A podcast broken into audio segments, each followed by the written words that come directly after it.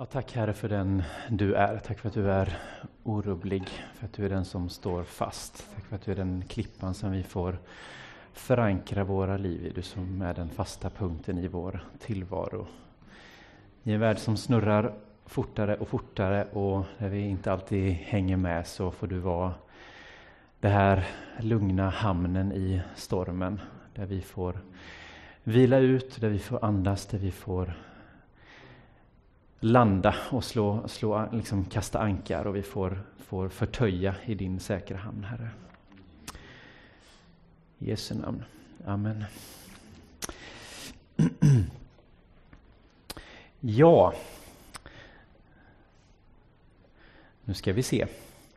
Eh, jag skrev, det kom ett litet sent eh, mejl här i helgen inför dagens gudstjänst med lite tankar eh, och eh, lite sådär vad som eh, Dels var det väl lite praktisk info om hur vi, hur vi gör nu när vi möts till gudstjänst men också jag delade lite av mina eh, tankar inför eh, hösten här och eh, någonting som jag har burit med mig lite grann om, om en slags tema eller någonting som kan få kanske slå an en liten ton. Jag tror kanske inte det behöver vara någonting som genomgår hela och genomsyrar hela, hela höstens predikningar, men ändå någonting som jag känner kan vara någonting att, att utgå ifrån, särskilt i den tid som vi lever i nu, när vi fortfarande är, liksom befinner oss i det tillstånd vi gör med en pandemi och vi har restriktioner och vi förhåller oss till förändringar. Eh, även om vi nu kanske känner att vi står vid, vi ser ljuset i tunneln och vi ser att nu är vi snart ute, nu är vi snart igenom detta, så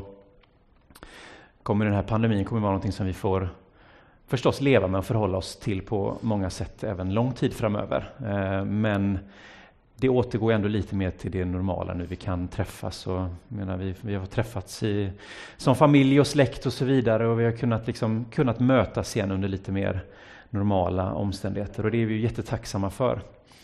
Men eh, som jag sa här inledningsvis så tror jag att det är viktigt att, eh, att vi inte liksom jäktar igång med saker som, som liksom, eh, bara för att komma igång. Det finns ju historiska eh, exempel att ta lärdom av. När spanska sjukan härjade för nästan exakt hundra år sedan, då var det ju, hade man ju ett världskrig precis bakom sig och så hade man den här pandemin som spred sig. Och, eh, då har man ju, tittar man historiskt vad som hände efter den den tiden. Då får man ha med i beräkningen att det var inte bara sjukdomen utan det var också att, att man, hade liksom, man, man hade lagt ett världskrig i, bakom sig också. Men under 20-talet så fullständigt exploderade ju, liksom, folk gav sig ut i nöjesliv och man gav sig ut på resor och annat. Lite mer begränsat än, begränsad rörlighet än vad vi har idag förstås, men man levde liksom ut allt det här som man hade liksom känt sig begränsad av. Och man liksom, ja, men nu har vi varit hämmade, vi har varit liksom, le, le, levt under det här förtrycket och då var det nästan som att man skulle ta igen förlorad tid. Och det finns väl tendenser till det lite i vårt samhälle med. Och tittar man hur vi är som människor så är det ju det är ganska ofta som historien upprepar sig. Vi gör ju ganska ofta om samma misstag gång på gång som människor. Eh, man skulle tycka att vi lär oss men vi har ju tyvärr den tendensen att vi, vi, vi, vi gör inte alltid det. Men det finns väl en risk att man nu efteråt så ska man ta igen allting. Nu ska man ut och resa jättemycket och man ska ta igen allt det som vi har missat nu under, under pandemin. Eh, och det, det finns ju en risk i det givetvis, en, en fara. Och där tror jag att det är lätt att man även vi tittar hur, hur, ska man, hur ska vi fungera som församling och som gemenskap och som kyrka? Och det är nog frågor som många ställer sig idag. Hur ska vi göra nu? Ska vi, liksom, ska vi dra igång nu? Vi måste liksom vara, vara på hugget här nu och komma igång nu när, allting, när samhället öppnar upp. Då ska vi dra igång massa verksamheter och ha massa grejer som händer så att vi liksom är, är på hugget. Och där tror jag att vi ska vara, försöka vara visa och verkligen söka Guds ledning och inte bara rusa igång med saker utan att vi är kloka och eh, kanske till och med ta tillfället i akt att utvärdera. Och liksom, vad, är det, vad är viktigt egentligen? Vad är, det vi ska, vad är det vi ska hålla på med? Vad är det som vad är det som har varit på paus som vi inte ens kanske behöver starta upp med igen? Kanske både i våra egna liv också som församling. Nu har vi ju kanske inte en, vi är en ganska liten gemenskap, vi har inte en fullspäckad kalender med massa grejer som händer varje vecka, så det är kanske inte de, kanske inte jättesvåra frågor, men jag tror ändå det är viktigt att bära med sig det. Och också som enskilda givetvis, hur, vi, hur vill vi leva våra liv nu? Vi har fått en chans här lite nu att omvärdera och utvärdera våra liv. Vad vill vi göra framöver? Ehm, jag skrev lite om tålamod, som ju är en av Andens frukter. Jag tänkte vi ska läsa de här verserna ifrån Galaterbrevet 5, där Paulus talar om de här frukterna som ett liv nära, ett liv influerat, ett liv i, i, i Andens kraft eh, som kan, kan leda till. Så här står det i vers 22 i kapitel 5. Men Andens frukter är kärlek, glädje, frid, tålamod, vänlighet, godhet, trofasthet, ödmjukhet och självbehärskning. Mot sådant vänder sig inte lagen. Och så har ju Paulus tidigare i de här verserna innan har han ett exempel på motsatsen då, hur ett liv ser ut som, som inte är präglat av anden utan som är liksom präglat av, av köttet. Då. Ehm, och Andens frukter, jag kanske upplevt, upplevde i alla fall när jag växte upp och i, eh, liksom när jag eh, första gången liksom fick höra undervisning om anden och sånt, så var det kanske mer att man pratade om andens gåvor, liksom. Hur tar sig anden uttryck i våra liv? Och tungotal, profetia, de här övernaturliga gåvorna som anden ger, som också är viktiga. Men andens frukter kanske inte, det var liksom fanns med där som någonting som, ja det där är ju bra att eftersträva, men det kanske inte var fokus kanske inte alltid låg på det. Var i alla fall var jag, givetvis var det, var, var, var, låg, var låg mina intresseområden någonstans? Ja, men I de yngre tonåren så är man kanske mer intresserad av, jo men det övernaturliga då? Det här spektakulära, kärlek, glädje och frid, det är inte så, det är inte så spännande. Det är mer spännande med de här sakerna som det liksom eh, är lite mer sådär eh, spänning och laddat. Det händer lite mer. Kanske är det ett tecken på eh, att man har mognat lite mer och, och, blivit äldre. Att man börjar se, ja men de här frukterna då, det är ju det kanske vi skulle, varför pratade vi inte mer om det? Det kanske var det jag hade behövt mer. Det var jag kanske inte mottaglig för i den åldern. Men, men i alla fall. Um, oavsett hur det ligger till med den saken. Paulus pratar om båda temana, så det är klart att det är viktigt, både gåvorna och, och frukten. Men eh, jag tänker att när Paulus pratar om, om andens frukter, jag menar den här metaforen, det är ju en metafor såklart, det är ju inte frukter, det är ju inte så att vi kan plocka kärlek och, och godhet som klasar, liksom. eller hur, hur, växer de? Är det, en, är det stenfrukter, eller växer de i klasar, eller är det växer de på träd eller buskar? Utan det är ju en metafor för någonting som växer fram i våra liv, någonting som mognar, och som, liksom, någonting som bär frukt, någonting som blir till frukt i våra liv. Eh, Jesus pratar ju om, eh, om frukt också i olika sammanhang. Ehm, eh, om det här med Ja, men, eh, dels har vi ju den här välkända illustrationen som Jesus använder när han pratar om sig själv som vin, vinstocken och vi som grenarna och hur vi bär frukt när vi är liksom kopplade in i vinstocken. Och han pratar också om trädet som bär frukt. Varje träd som, som är, liksom är friskt och mår bra bär rik frukt. Och så pratar han om på frukten så känner man trädet. Så den här metaforen är inte bara Paulus som kommer på, han är inte först med den här fruktmetaforen utan Jesus pratar mycket om frukten och våra liv. Det som syns, det som smakar, det som är gott, liksom. det som blir resultatet av en slags mognadsprocess, någonting som händer i våra liv. Um, och det är ju liksom ett, ett kännetecken när man finns frukten där, ja, men då är det ju ett tecken på att trädet mår bra, att det är liksom någonting gott som händer i det. Ett träd som inte bär någon frukt, då kan man ju börja titta på vad är det då som är fel, vad är det som är tokigt? Um, och Paulus han pratar också om det här med frukt och om, om sådd och skörd och mognad och så vidare. Han pratar om att någon sår och någon annan vattnar, men Gud är den som ger växten, den som ger frukten.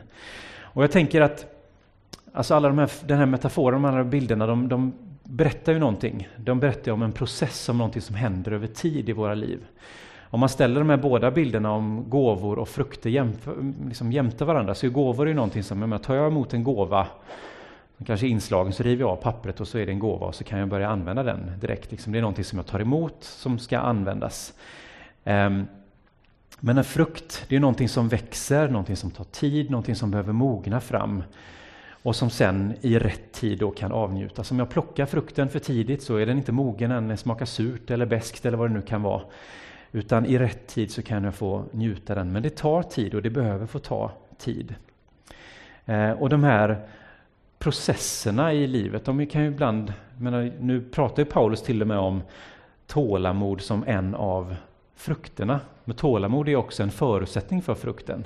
Alltså, vi måste vänta ut frukten. Den kommer inte inslagen och färdig, även om man ibland, jag menar i vår tid, för Paulus åhörare och, och läsare så är detta en självklarhet. Det är klart att det tar tid med frukt.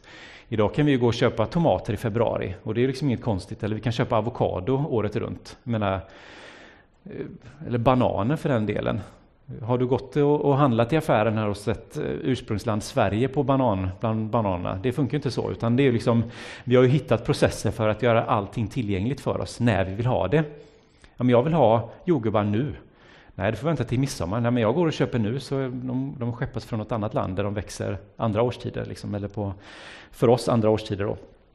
Um, och det är inte att säga att det är fel att gå och köpa frukt och grönt även när det inte är säsong, även om det såklart finns miljöaspekter och, och så att man faktiskt äter frukt och grönt när det är tid för det. Men jag tänker att det är ändå lite exempel över någonting som händer i våran tid när vi har tillgång till allting. Vi har kontroll över alla de här processerna. Vi kan få saker när vi vill ha det. Om jag är sugen på någonting, ja, men då köper jag det med en gång. Och beställer jag någonting så förväntar jag mig att jag ska ha det dagen därpå. Allting går fortare och fortare och de här processerna eh, går fort. Jag vill ha det jag vill ha nu och jag ska ha det nu och så behöver jag inte vänta. Men frukten som mognar tar tid och det kräver tålamod. Och jag tror att tålamod kanske är lite men det är lite utrotningshotat, det är lite bristvara i våran tid. Och därför tror jag kanske att det är en, kanske en av de frukterna som är eh, sällsyntast eller som är kanske viktigast att, att ge utrymme att faktiskt få växa i våra liv. Eh, jag har gjort en eh, bekantskap det senaste året. Det är alltid kul när man träffar folk och så frågar man hur möttes ni? Eh, och berätta hur ni träffades och kanske ja, när vi var gemensamma bekanta eller vi möttes på något, eh, i något, på något evenemang eller på något sätt vi hade gemensamma intressen och så vidare och så, och så blir det liksom blivit startskottet för en fruktbärande och god relation. Sådär. Ehm, och den här personen som jag har upptäckt, eller som jag har, det är, väldigt, det är en ensidig relation kan man säga. Det är en, en tysk filosof och sociolog som heter Hartmut Rosa. Jag pratade lite om honom på en sån här friluftskyrka som vi hade här, här innan sommaren. Han, eh, han vet inte vem jag är, men han har varit, blivit väldigt betydelsefull för mig. Så jag har ingen sån där berättelse med honom. Men jag stötte på honom i alla fall och hans idéer och verk. Eh, först i sam jag lyssnade på ett radioprogram där man pratade om honom och sen dök han upp i alla möjliga sammanhang. Jag hörde andra, i något annat sammanhang så talades det om, om Hartmut Rosa och hans eh, idéer och teorier. Jag blev väldigt fascinerad av den här personen. Då. Han är verksam vid något universitet i, i Tyskland och eh, har blivit en sån där, tydligen är han i Tyskland är han en sån där som jag försökte tänka vem vi har i Sverige som är sån och jag kom bara på GW Persson. och Jag tänkte att det var nog inget bra exempel. Men han är en sån som dyker upp i olika sammanhang och så liksom, ja men vad säger du om det här? Han liksom dyker upp i tv-program och annat och så får han liksom, han är en sån där som, som tycker om olika fenomen. Ty, säger de. Jag, jag har inte fått detta bekräftat själv, men han är tydligen sån här, han får ofta komma in som sakkunnig när man liksom pratar samhällsfenomen eller liksom olika saker som händer i vår tid och vår kultur så är han liksom, han har ett eh, väldigt skarpt eh, sinne för, för det här att, att eh, se trender i samhället och hur vi, vad som händer i våran värld. I alla fall, han har kommit ut med två, eller han har kommit ut med massa verk, men på svenska finns det två stycken kortare böcker, essäer, där han som till liksom Eh, förklarar och presenterar hans idéer på ett, litet, eh, på ett relativt eh, överskådligt sätt. Ehm, och jag nämnde innan sommaren, så då hade jag läst hans ena essäsamling då som handlar om, där han pratar om, om acceleration. Han säger att om det finns någonting, en, en drivkraft som mer än något annat präglar våran moderna, vårt moderna samhälle, och med det moderna samhället så räknar han egentligen ända från säg 1700-1800-talet fram till vår tid, så är det att det är en ständig det är en ständig ökning av tempo i samhället, alltså att samhället går fortare och fortare och fortare. Och så, jag ska inte eh, djupdyka för mycket i detta, men han, han pratar om tre olika områden som liksom, det blir som ett, ett liksom, en cirkelrörelse, de här tre processerna driver på varandra hela tiden. Att vi har en teknologisk acceleration som händer hela tiden. Det händer hela tiden nya saker, nya saker uppfinns och det går fortare och fortare och fortare. Det är bara att titta på utvecklingen på liksom teknologin vad gäller datorer från, från 60-talet och, och, framåt till nu. Där liksom, det går fortare och fortare. Våra telefoner som vi har i fickan är ju mångdubbelt kraftfullare än persondatorerna som stod på skrivbordet på 90-talet. Och de i sin tur var oändligt mycket kraftfullare än de här stora eh, kolosserna som fyllde flera rum, liksom, om vi går ytterligare några eh, decennium tillbaka i tiden. Så den här utvecklingen går ju i en rasande tempo. Att vi skulle kunna liksom gå runt med den, vi skulle kunna ha videosamtal, stå ute i skogen och, och liksom se den vi pratar med eller hitta all information. Ni vet, att, ja, det, här, det som vi tar för självklart idag, det, det har gått otroligt fort. Um, och det har också lett till att hela samhället går fortare. Att vi idag har, det går så fort i kulturen och i samhället att våra politiska processer har inte liksom, det går för långsamt. Nu ska man fatta beslut om någonting men när man väl har liksom gått igenom det här varit ute på, på liksom, eh, vad säger man, eh, remissinstanser och annat. När det väl kommer tillbaka, nej, men då är frågan nästan inaktuell för att det går så fruktansvärt fort. Och sen har vi då vår individuella utveckling där vi ska försöka förhålla oss till ett samhälle som bara går fortare och fortare och vi känner att vi hinner inte med det. Vi blir stressade, vi blir utbrända, vi räcker inte till. Och då behöver vi ny teknik som hjälper oss att hantera alla de här grejerna snabbare och snabbare och snabbare. Så märker ni liksom, så är vi tillbaka där på teknologin igen och så har man en ständig så här drivkraft. Och eftersom den här accelerationen är så, den genomsyrar allting så säger han det är, det är svårt att liksom bara ta ett kliv tillbaka och säga, ja men accelerationen, nu får vi nog bromsa lite för att det, liksom, det är någonting som går igenom hela, hela samhället. Givetvis, givetvis finns det ju jag tänker om vi nu tittar på pandemin och den, det som vi har genomlevt nu det senaste ett, ett och ett halvt året så är det ju mycket som har möjliggjorts som, som är av godo också. Bara ta det här med videosamtal. När vi inte har kunnat träffas, hur många av er har haft videokontakt med släkter, släkt och anhöriga och, och vänner, eller hur? Alltså, jag vet själv att jag tyckte det här med ja, men videosamtalare, men det använder man ju aldrig. Vad ska man med det till? Tyckte jag liksom. Men nu har det varit en så här Ja, det är fantastiskt. Jag har, läst, jag har studerat på distans och sitta där och ha 20 ansikten på skärmen och ha, sitta som i ett klassrum fastän man inte är där. Det är helt fantastiskt, vilken teknik. Det hade inte varit möjligt annars.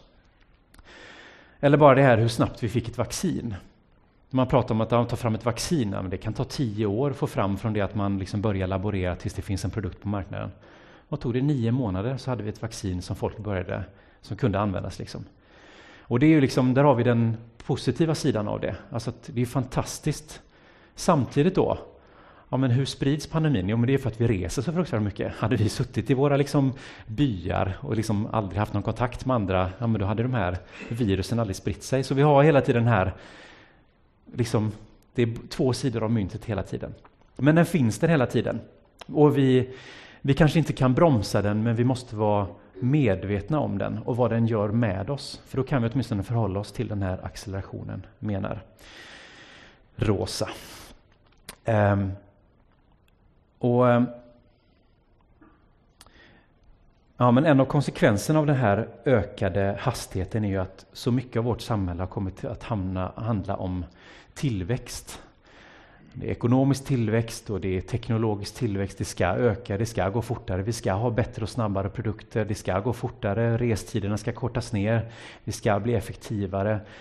Och, både, och på det personliga planet, vi ska leva bättre, vi ska träna bättre, vi ska resa längre, vi ska få ut mer av våra semestrar och vi ska, allting ska liksom utnyttjas, utnyttjas och maximeras och liksom verkligen suga ut all potential som finns. Och det har liksom lett till en ökad strävan att vi ska kontrollera allting. Um, ett exempel är, jag titta på, ta exemplet snöfall. Eh, när jag var liten växt, och, och liksom man kom in i december och så vet man det frågar man sig fortfarande, blir det en vit jul? Kommer det någon snö? Och det visste man inte, eller hur? Man levde med det här, blir det snö eller inte? Nej, vi får se lite. Det. Och så började det snöa och så, åh, det blev en vit jul. Men man kan inte liksom råda över det, eller hur? Kommer det så kommer det. Och det är liksom, snö är kanske sånt där, ett av de bästa exemplen på de här, det vi inte kan kontrollera, det vi inte kan råda över. Men det är också det som gör snön, snöfallet när det väl kom så fantastiskt på ett sätt, eller hur? För att vi kan inte kontrollera det. Det finns någonting i det som gör att vi inte styr det.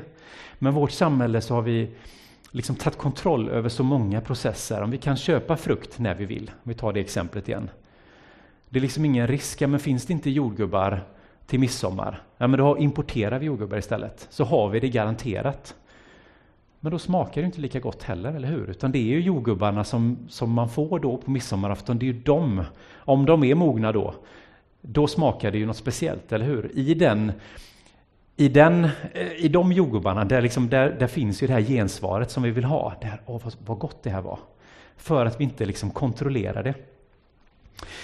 Um, och uh, Min kompis då, Hartmut Rosa, han har ett begrepp här som han kallar för, kallar för resonans. Och resonans, ni vet den eh, Gunnars bas där, den har en resonanslåda, kroppen där. När strängen vibrerar så går de här ljudvågorna in i kroppen och så, liksom, så studsar de. Alltså du får en, du får en resonans i, i, den här, i träet som gör att, gör att det låter. Det är ju så, det, det är så stränginstrument fungerar, att det liksom, ljudet resonerar i det här tomrummet. Och med det menar han att, att få ett gensvar av någonting. Alltså att vi sträcker oss ut efter någonting. Vi, vi, han, han pratar med, vi pratar med världen och den pratar tillbaka till oss. Och det här kan vi applicera på alla möjliga sammanhang, på relationer med varandra, med, med vår omvärld, även med vår relation med Gud. Um, att vi, vi får ett gensvar. Det är, inte, det är inte dött, vi pratar inte bara ut i ett tomrum och får inget gensvar, utan vi får ett gensvar. Ehm, men det som händer i den här tillvaron vi lever i nu, då, det är att vi allt mer tappar kontakten. Vi får inte det gensvaret som vi behöver. Världen har blivit död för oss. Ehm, vi kan ha tillgång till miljontals låtar på musiktjänster men ändå kan vi bli mer berörda av en gatumusikant eller någonting vi råkar slå på på radion eller någonting än det här som vi har så mycket tillgång till allting. Så för att uppleva det gensvaret så behövs det, lite som det här snöexemplet då, det behövs ett mått av någonting vi inte kan kontrollera. Någonting vi inte kan förfoga över. Ehm, för att den här, vår omvärld, vi måste få det här gensvaret för att vi ska uppleva någonting. Ehm, vi skaffade, vi blev kattägare i vintras. Så jag har en liten katt som nu i sommar så har han mest gillat att vara ute och träna upp sina jaktinstinkter som än så länge inte är jättebra.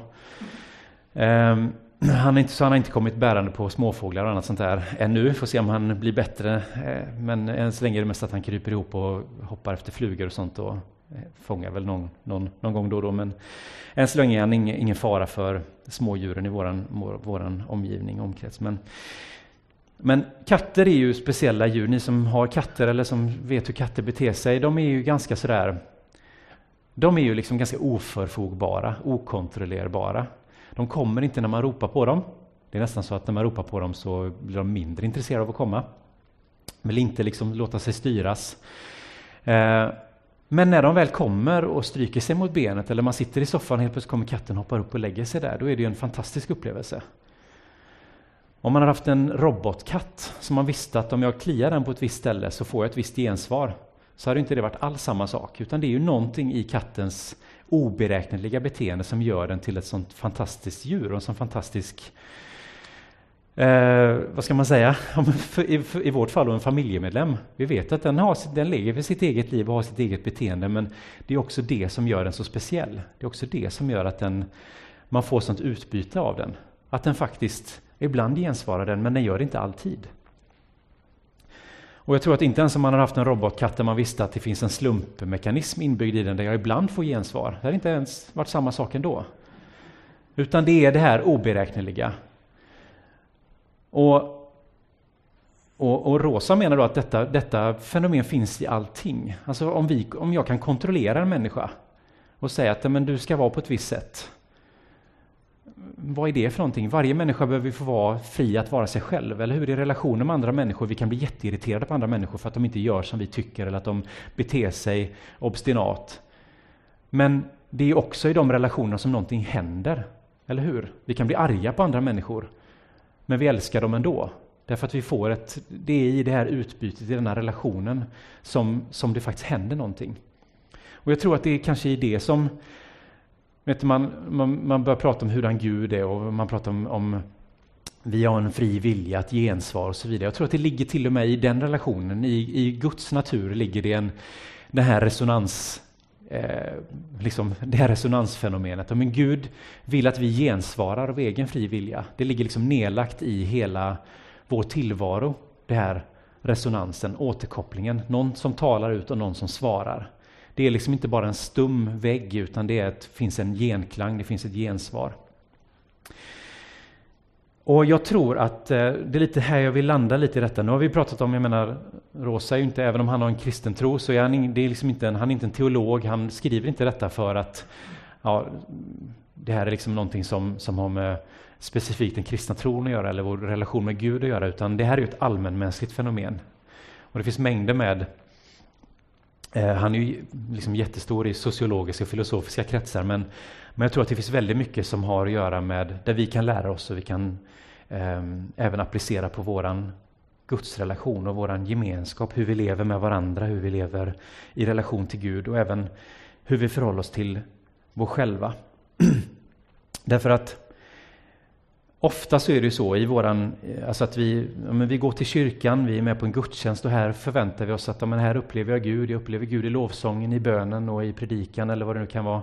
Predikan om vi har tur, men, men i lovsången och bönen i alla fall, eller i nattvarden vad det nu kan vara. Att här upplever jag Gud och det är här, den här timmen som, här har Gud på sig liksom att göra någonting i mitt liv. Men Gud låter sig inte kontrolleras heller. Vi kan inte paketera in Gud eller ge Gud en, en ruta i vår kalender. Här Gud kan du få göra någonting. Det är också liksom ett uttryck för vårt sätt att försöka kontrollera och styra in att här händer det. Men ofta så drabbar ju Gud oss när vi minst av allt anar det, när vi inte är beredda på det. En av mina favoritförfattare, Richard Rohr, han brukar prata om att det som verkligen liksom, alltså där Gud verkligen möter oss, det är när vi får uppleva stor kärlek eller stort lidande. Alltså när det är yttre krafter på något sätt som drabbar oss, som gör att vi tappar kontrollen och släpper kontrollen. När, vi inte, när inte vi sätter agendan, utan när Gud får bryta in, när vi på något sätt är sårbara, när vi är maktlösa, när vi inte har kontrollen själva. Men vi vill kontrollera så mycket och risken finns att vi också kontrollerar, försöker kontrollera Gud och vad Gud vill göra i våra liv. Att vi liksom, vi har gett Gud, ja du får den här platsen i mitt liv. Håll dig innanför de här ramarna. Men då blir det bara en död Gud, då blir det en avgud som vi har placerat. Här är våran guldkalv som jag går till när jag behöver det. Men precis som på, alltså när det gäller den här resonansen i, i hela livet så, så gäller ju detta hur vi förhåller oss till Gud också. Kanske det allra viktigaste, men, men även i andra, andra aspekter av, av våra liv. Vi behöver ge tillåtelse till att låta liksom livet, att låta Gud få möta oss precis där vi är. Inte skapa kontrollerade förutsättningar utan att öppna oss för det. Det handlar om att ge utrymme, att ge tid. Och därför tror jag att det är så viktigt också nu när vi kommer igång här i höst med våra sammankomster, med våra gemenskaper och även i våra egna liv när vi kommer, kommer liksom känna att livet liksom börjar rulla igång igen. Att inte fastna för mycket i det här ekorrhjulet som bara spinner snabbare och snabbare utan Våga pausa, våga ge utrymme, våga släppa kontrollen, våga låta andra människor få beröra mig. Att inte kontrollera och styra och ställa utan i de relationer jag har med Gud, med andra människor, med min omvärld, med naturen, var lite mer öppen. Eh, jag ska avsluta med en eh, som jag tycker är en så fin, eh, fint exempel på hur liksom i, i en av sina essäer så skriver eh, Rosa, han berättar om hur, hur en alltså han sa, tänk dig att du är ute och går med en, med en vän på en sen kväll i en stjärnklar eh, himmel. Och så ser du månen.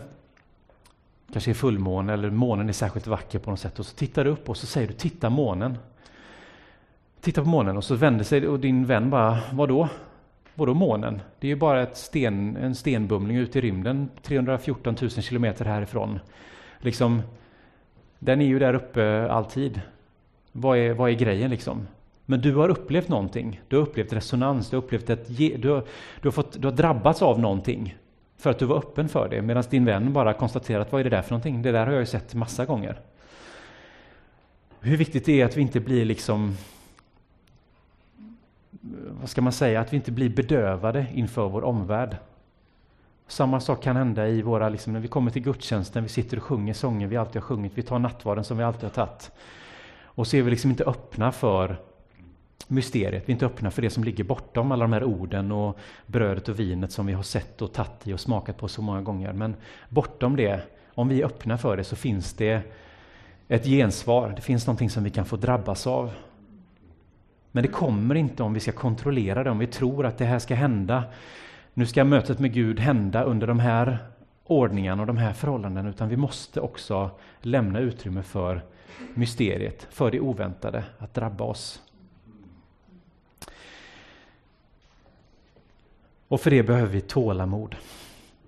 Det kommer inte när vi ber om det, utan det kommer i Guds tid. Det låter lite klyschigt, men Guds vägar är inte våra vägar och liksom Guds tidsperspektiv är inte vårt tidsperspektiv. Och ibland är det segt och ibland så är det liksom, tycker vi att det är varför går det inte fortare? Varför händer det inte? Varför får jag inte mina bönesvar? Eller varför får jag inte det som jag vill ha? Varför får jag inte det mötet med Gud? Varför, varför löser sig inte detta? Men ibland behöver vi bara släppa kontrollen och säga okej, okay, jag lämnar detta. Det, det händer när det händer. Det enda jag kan göra är att vara på något sätt i en, i en ja, stå med, med en öppen famn, liksom en öppen, öppen hand och ta emot det när det kommer. Precis som snöfallet. Det kommer när det kommer. Det spelar ingen roll hur mycket jag har hängt upp julpynt och hur mycket jag, jag spelar julsånger. Eh, snön kommer inte på grund av det. Det kommer när det kommer. Amen. Vi ska sjunga någon eh, lovsång och sen ska vi fira nattvard här. Och i samband med nattvarden så ska vi, vi ska be lite för, vi har ungdomar som är på läger nu några dagar och vi har yngre ungdomar och barn som åker på läger nu eh, imorgon också. Så att det är två läger igång här i, med kyrkor runt om i Halland. Så vi ska be lite för dem, att eh, de får vara med om sköna dagar, härliga dagar och få uppleva någonting som blir bestående också i sina liv.